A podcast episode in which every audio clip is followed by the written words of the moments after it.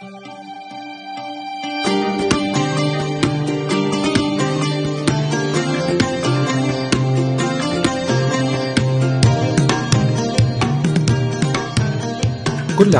وأنتم بخير.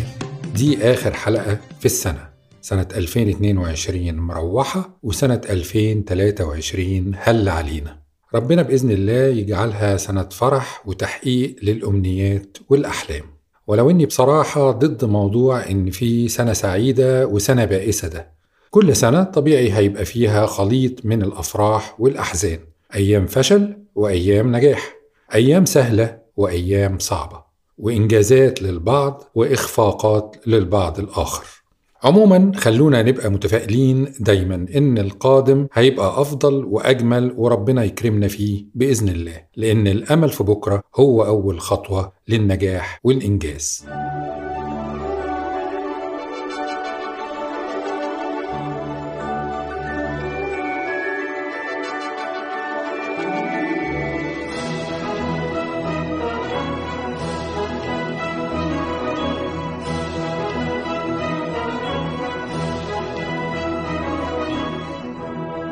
طبعا على آخر كل سنة كده بنلاقي المواقع ووسائل الإعلام بتستعرض أهم أحداث السنة المنتهية وأنا مش شايف إنه ممكن يبقى فيه جديد نقدمه في الإطار ده.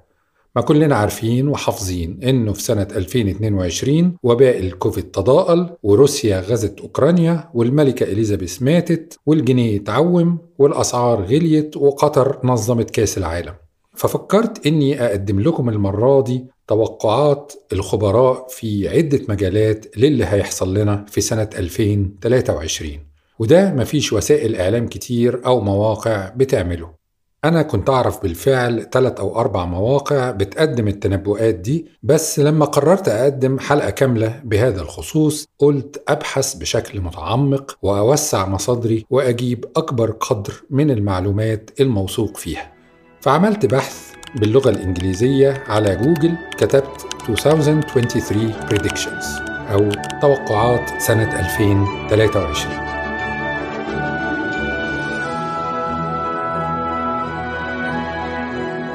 ممتاز ممتاز جدا. طلعت لي مواقع محترمة كتير كاتب فيها خبراء من كل المجالات. سياسة، علوم، اقتصاد، رياضة، فنون، تكنولوجيا، طب، تعليم، وظائف. طيب نتوسع أكتر ونتناول الجانب العربي من الموضوع. نعمل نفس البحث باللغة العربية. توقعات سنة 2023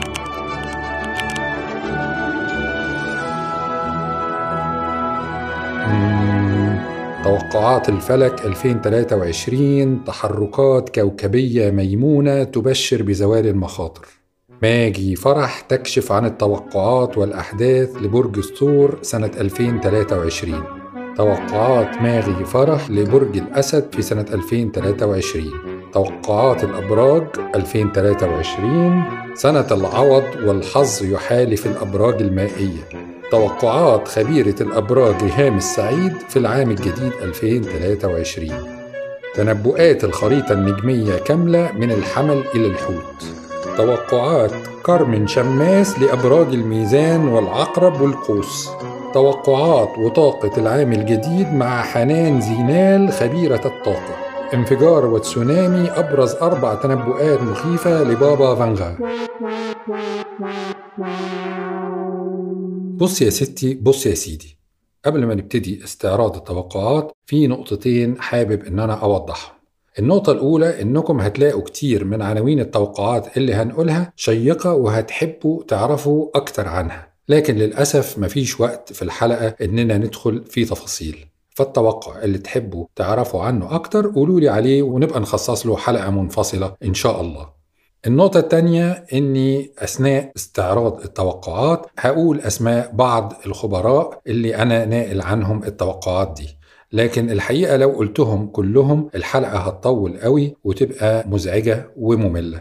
فاللي هعمله إني هحط في شرح الحلقة روابط مصادر توقعات الخبراء.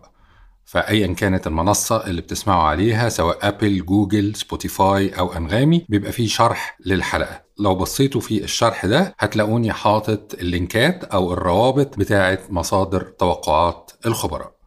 بينا نبدأ؟ يلا بينا.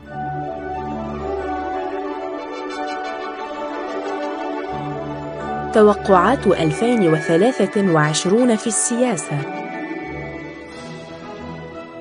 إيه رأيكم نبدأ بتوقعات 2023 في السياسة؟ الناس بتحب تعرف توقعات السياسة أول حاجة خصوصا إنها بتحدد كتير من التغيرات في المجالات الأخرى يعني شفنا مثلا حرب روسيا وأوكرانيا عملت إيه في الاقتصاد العالمي كله تضخم وغلاء أسعار وأزمات وصعوبة في المعيشة وتأثير كبير على التعليم والوظائف والتجارة وكل جوانب حياتنا طيب ايه المتوقع بالنسبة للحرب دي في سنة 2023؟ Для защиты России и нашего народа мы, безусловно, используем все имеющиеся в нашем распоряжении средства.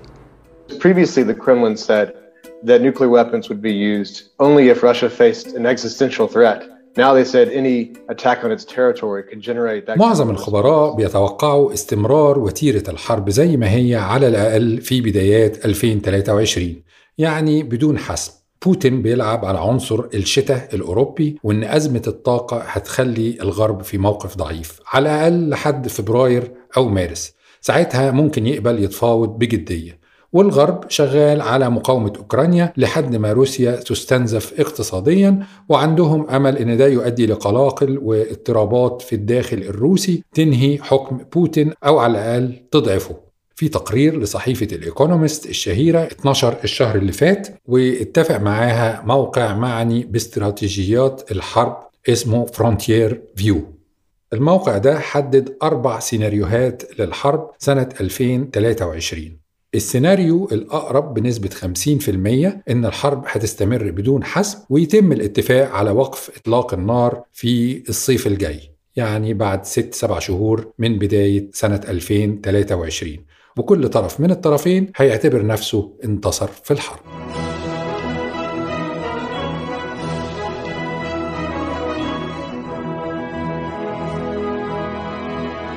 من الأحداث المهمة برضو في 2023 الانتخابات التركية اللي أردوغان أعلن إنها هتكون آخر مدة رئاسية له وإنه بعدها هيسلم السلطة لجيل شاب.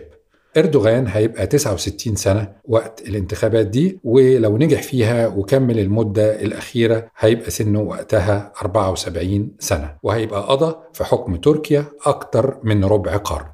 بلا شك إعلان إردوغان إن دي آخر مدة رئاسية له هيزود فرصه بالفوز. لكن الاقتصاد وقت الانتخابات هيبقى طبعا العامل الأساسي في تحديد نتيجتها. علما بأن التضخم في تركيا السنة دي عدى ال 80% بينما متوسط التضخم العالمي كان 12% بس. الأمل الوحيد للمعارضة في الفوز بالانتخابات دي إنهم يتفقوا على مرشح واحد قصاد إردوغان. غير كده ملهمش فرصة. معهد واشنطن قال إن في اتنين مرشحين حظوظهم ممكن تبقى معقولة. أكرم إمام أغلو عمدة إسطنبول اللي صدر مؤخرا حكم بحبسه لكن مش هيتنفذ ومنصور يافاش عمدة أنقرة. لازم نقول هنا برضو إن الانتخابات دي هتتزامن مع العيد المئوي لتأسيس الجمهورية التركية أو بتعبير آخر العيد المئوي لسقوط الدولة العثمانية. السنة دي برضو 2023 هتشهد لأول مرة في تاريخ تركيا اكتفاء ذاتي من الطاقة بعد نجاحها في استخراج كميات كبيرة من الغاز الطبيعي من البحر الأسود. ودي نقطة مهمة برضو الحقيقة في السي في بتاع إردوغان كمرشح أول للفوز بالانتخابات. برضو نخلي بالنا إن الحدثين في ترابط بينهم الحرب الروسية الأوكرانية وانتخابات تركيا. لأن الغرب يحب إنه يوقع أردوغان ويسقطه في الانتخابات بس في الوقت نفسه أردوغان هو الوحيد في تركيا اللي له سكة مع بوتين. فعلى حسب سير معارك روسيا وأوكرانيا في الشهور الأولى من 2023 الدول الغربية ممكن تحدد ما إذا كانت محتاجة إردوغان ولا لأ وبالتالي هيحاولوا يساعدوه اقتصاديا ولا يوقعوه إردوغان وعد إنه يشتغل على محاربة التضخم في النص الأول من 2023 وأعتقد إن قدرته على تنفيذ وعده ده هتبقى العنصر الحاسم في نتيجة الانتخابات.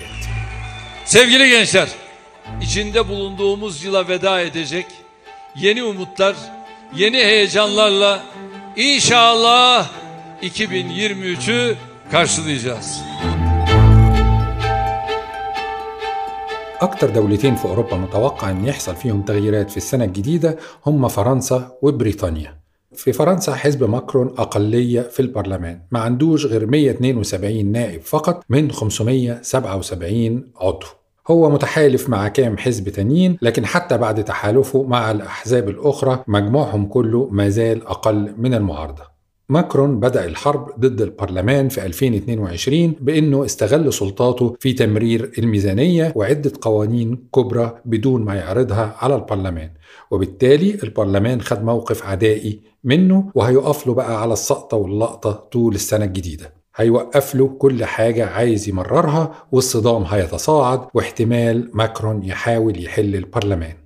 المشكلة إن معارضي ماكرون هم مارين لوبين اليمينية المتطرفة والتيار اليساري المتطرف ودول متحالفين مع بعض ضده. شوف إزاي تحالف يمين متطرف مع يسار متطرف ضد الوسط. مؤسسة ساكسو الاقتصادية الأوروبية متوقعة أن ماكرون يعمل حركة شبيهة باللي سبقوا ليها شارل دي جول مؤسس الديمقراطية الفرنسية الحديثة بأنه يستقيل ويخلي الناس هم اللي يرجعوه رعبا من تولي معارضي الحكم وبالتالي يعمل انتخابات برلمانية مبكرة أو يتشرط أنه يحل البرلمان فيبقى خيار مقبول من الشعب مم. ايه اللي هيحصل بالظبط في فرنسا ادينا قاعدين بنتفرج We are in a jungle and we have two big elephants trying to become more and more nervous. If they become very nervous and start war, it will be a big problem for the whole the rest of the jungle.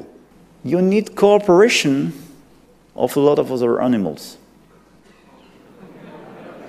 Tigers, monkeys, and so on. Are you on the US or the Chinese side? Because now, progressively, a lot of people would like to see there, there are two orders in this world. This is a huge mistake, even for both the US and China. We need a single global order.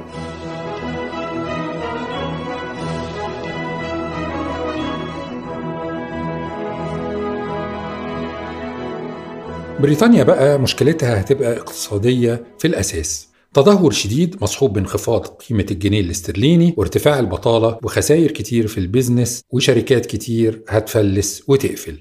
مزيج من التضخم والركود اسمه stagflation وده هنتكلم عنه بعد شوية في إطار التوقعات الاقتصادية. لكن المهم إن التدهور ده احتمال كبير يؤدي لاستقالة الحكومة البريطانية الحالية بقيادة ريشي سوناك ودي هتبقى ثالث استقالة لرئيس حكومة حزب المحافظين في أقل من سنتين. وبالتالي هتبقى في انتخابات مبكرة واحتمال عودة حزب العمال للحكم. نفس المؤسسة الاقتصادية ساكسو اللي توقعت استقالة ماكرون بتتوقع أنه احتمال كبير بريطانيا تعمل استفتاء جديد للعودة للاتحاد الأوروبي أو أن بريكزيت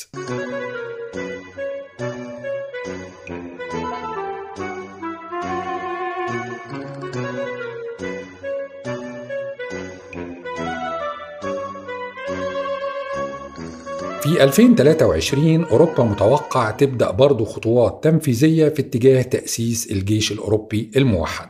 وده من الدروس المهمة اللي اتعلموها بعد نشوب حرب روسيا أوكرانيا. العائق الوحيد قدام الخطوات دي هيبقى الأزمة الاقتصادية ومعروف إن تأسيس الجيش ده هيحتاج لميزانيات طائلة. مفيش انتخابات في أمريكا في سنة 2023 فمش متوقع أي تغييرات كبيرة فيها إلا إذا حصلت مفاجآت مثلا تتعلق بصحة بايدن أو أحداث ضخمة تستدعي تدخلات عاجلة.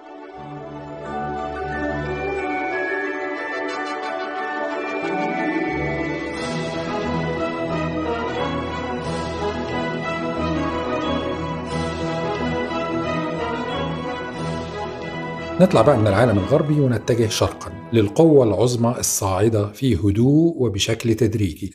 التنين الصيني.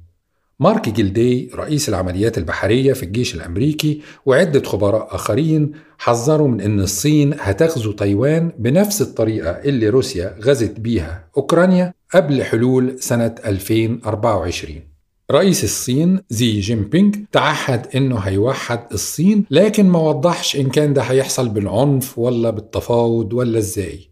لكن لازم نقول برضو إن أغلب المتخصصين في الشأن الصيني استبعدوا احتمالية الغزو ده واعتبروه مبالغة وشطط من جانب جلدي. نخلي بالنا برضو إن الموضوع ممكن يعتمد على تصرفات واستفزازات أمريكا ومدى تدخلها في الموضوع ده. يعني مثلا لما نانسي بيلوسي رئيس مجلس النواب الأمريكي زارت تايوان بدون أي مبرر ده استفز الصين وخلاها تعمل مناورات جوية وبحرية في المنطقة المجاورة لتايوان. فلسه ما نعرفش الأحداث إذا تطورت هتتطور إزاي. طيب ندور كده على توقعات للشرق الأوسط.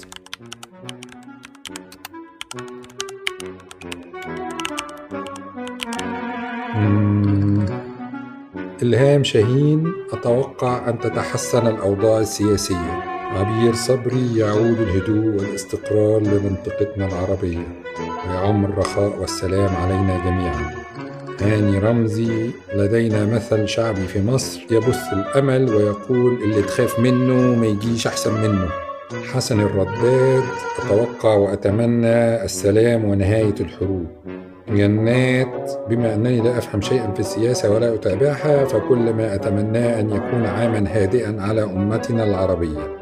بشرى أتمنى أن يشهد وقفا للحروب على مستوى العالم وتهدأ الصراعات والقتل والدمار لتعود الحياة لطبيعتها. طيب هم دول اللي خدوا آرائهم في التوقعات السياسية المنتظرة للشرق الأوسط في سنة 2023 حاجة آخر روقان وجمال.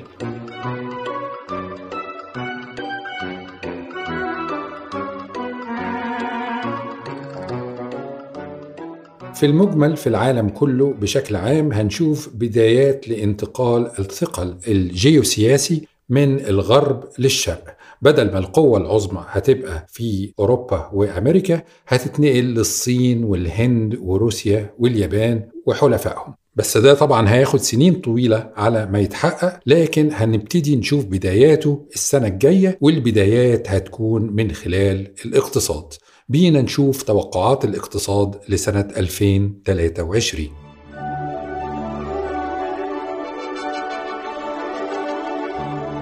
توقعات 2023 في الاقتصاد. دي بقى كانت فايدة إننا نبدأ الحلقة بتوقعات السياسة لأن الأحداث السياسية اللي حصلت في العالم سنة 2022 هي اللي بتحدد مسارات ومآلات الاقتصاد في سنة 2023 خبراء الاقتصاد لما حبوا يلخصوا توقعاتهم للاقتصاد السنة الجاية دي وصفوه بكلمتين اقتصاد الحرب. شبيه باقتصاد الحرب العالمية الثانية يتميز بإيه بقى اقتصاد الحرب ده؟ أولا ارتفاع أسعار الطاقة بكل أشكالها زي ما إحنا شايفين كده البنزين غالي الغاز غالي وده بالتالي هيرفع الأسعار عموما. مؤسسة جولدمان ساكس الاقتصادية بتتوقع زيادة لأسعار الطاقة تتراوح بين 20 ل 30% سنة 2023 وده بالتالي هيرفع الأسعار عموما. ثانيا الوظائف هتقل والمرتبات يا هتثبت يا هتقل. لأن النشاط الاقتصادي الطبيعي يا هيتباطأ يا هيقف. ثالثا الذهب يغلى لأن الناس خايفة فبيشوفوا ملاذ آمن يحطوا فيه فلوسهم. ما يبقاش مرتبط بعملة صعبة أو تجارة محددة. وما دام الطلب على الذهب هيزيد فسعره هيعلى. متوقع أن أسعار الذهب تستمر في الارتفاع سنة 2023 سعر الذهب حاليا بيدور حوالين 1800 دولار per ounce اللي هي الأوقية أو الوقية جيرج كانيو الخبير الاقتصادي ومدير الاستثمار في مؤسسة Swiss Asia Capital بيتكلم في زيادة أكثر من 40% في سعر الذهب ويمكن توصل ل 100% يعني الوقية أو الأوقية اللي سعرها دلوقتي 1800 دولار متوقع سعرها خلال سنة 2023 يوصل ما بين 2500 ل 4000 دولار. فيا جماعة اللي يعرف يشتري ذهب يشتريه ده استثمار قصير المدى مضمون جدا جدا جدا في الظروف دي. رابعا انهيار الشركات الصغيرة. هتفلس وتقع. وعلشان كده هنقرأ ونسمع كتير في 2023 عن اندماجات واستحواذات لمواجهة الأزمة وتحريك الاقتصاد. استحواذات من الشركات الكبرى على الشركات الصغيرة والمتوسطة واندماجات للشركات الكبيرة مع بعضها. خامسا للأسف هنشوف نقص إنتاج ونقص موارد أكل ومية وطاقة. وشفنا اللي حصل مثلا في أزمة القمح الأوكراني والقمح الروسي. لأن المشكلة مش بس في نقص الإنتاج لكن كمان بيبقى في أزمة في ال supply chains اللي هي سلاسل الإمداد وده هيغلي الأسعار أكتر وهيترتب على ده قلاقل واضطرابات في دول العالم المختلفة بالتناسب مع قوة اقتصاد كل دولة. تناسب عكسي طبعا. يعني الدولة اللي اقتصادها قوي من قبل الأزمة هتصمد والدولة الضعيفة من قبل الأزمة للأسف هتقع. وده هيبقى ظاهر في أوروبا أكتر منه في أمريكا والصين.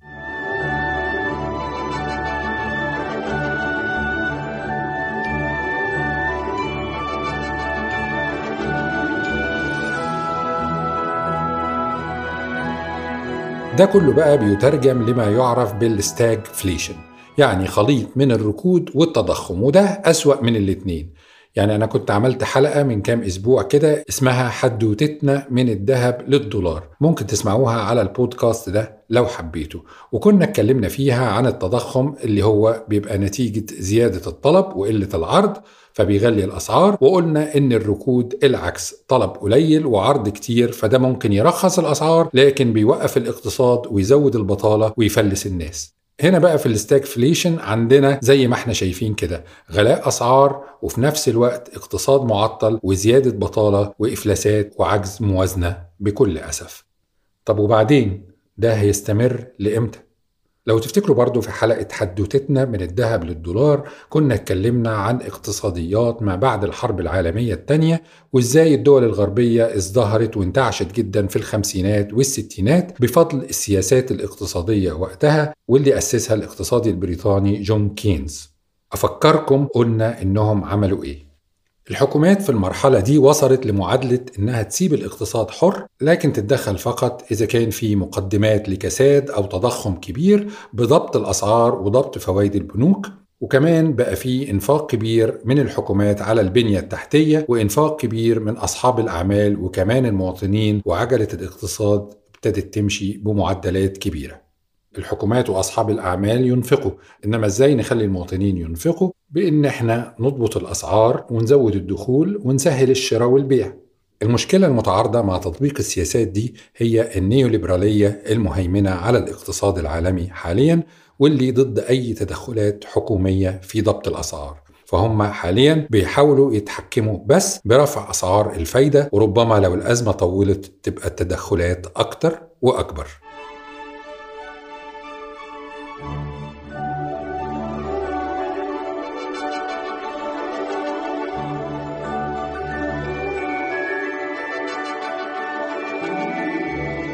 ما تزعلوش قوي. في أخبار كويسة. متوقع أن العالم يفوق من الأزمة دي في النصف الثاني من سنة 2023 ويمكن قبل كده لو الحرب الروسية الأوكرانية انتهت بدري. مين أول دولة هتفوق من الأزمة ويحصل فيها نمو كويس جدا؟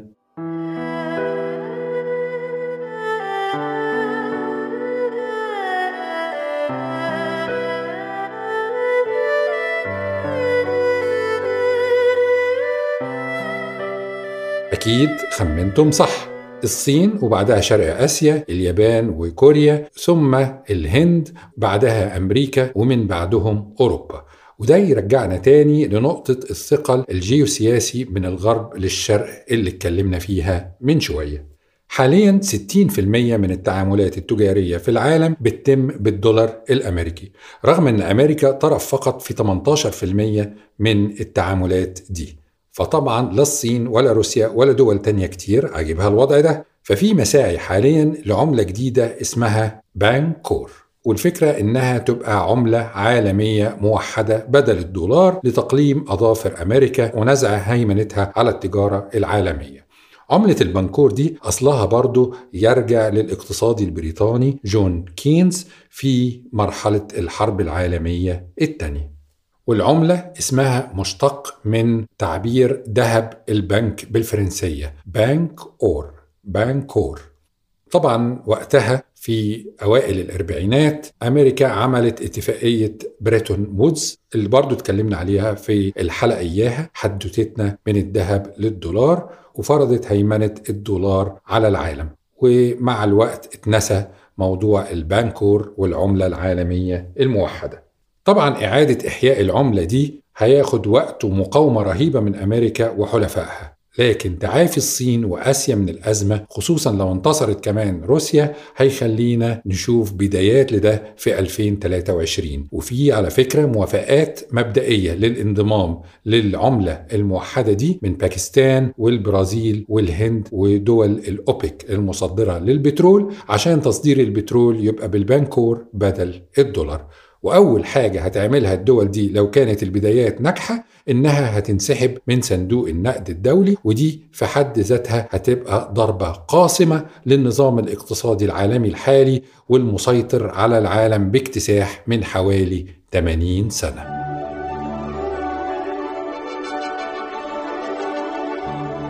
توقعات 2023 في التجارة والخدمات. زي ما توقعات السياسة خدتنا لتوقعات الاقتصاد لازم توقعات الاقتصاد هتاخدنا لتوقعات التجارة والخدمات.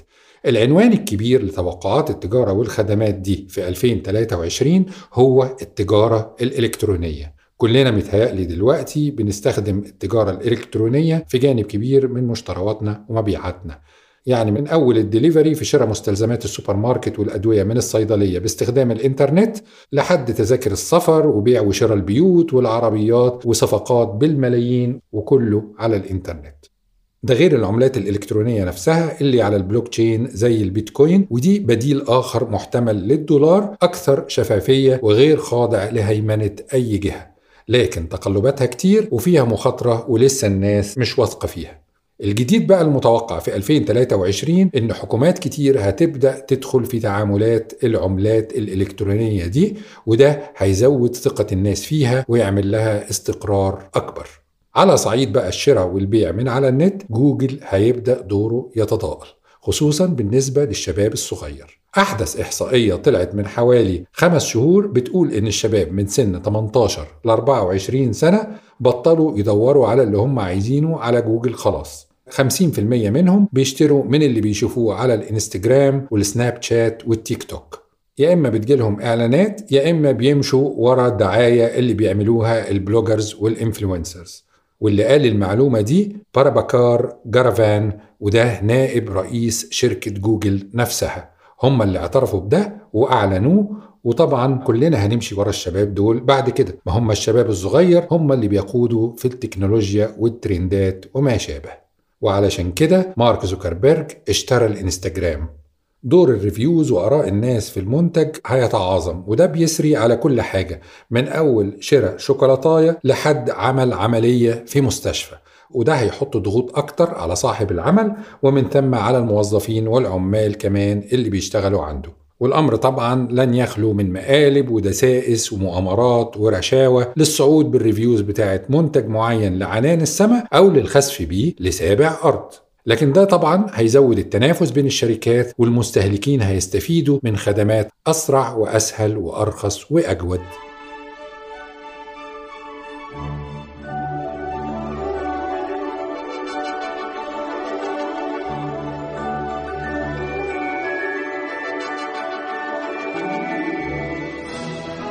فاكرين لما اتكلمنا في الاقتصاد والتجارة من شوية عن سلاسل الإمداد أو ال supply chains اللي تأثرت سلبا نتيجة حرب روسيا أوكرانيا وكمان من قبلها أثناء وباء الكوفيد في سنة 2023 هتبدأ تتبلور حلول إلكترونية مبتكرة وفعالة للمشكلة دي.